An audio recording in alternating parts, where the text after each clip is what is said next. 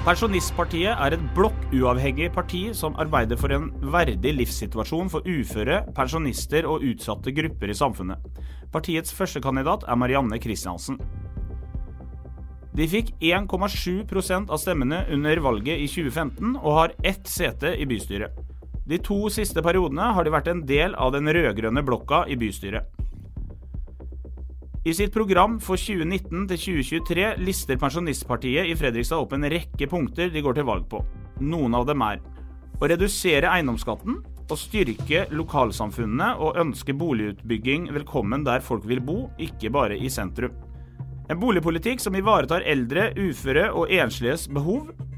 Å bedre dagtilbudet for funksjonshemmede i Fredrikstad, og at alle funksjonshemmede skal ha rett til brukerstyrt personlig assistent, uavhengig av alder. Å opprettholde helsestasjon for eldre og Plusshuset, og en bedre rusomsorg med styrking av ettervernet.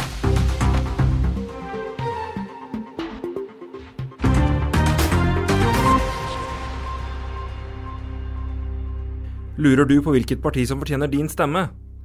Med Fredrikstad Blads lokale velgerhjelp kan du finne ut hvilket parti du er mest enig med. Den finner du på f-b.no.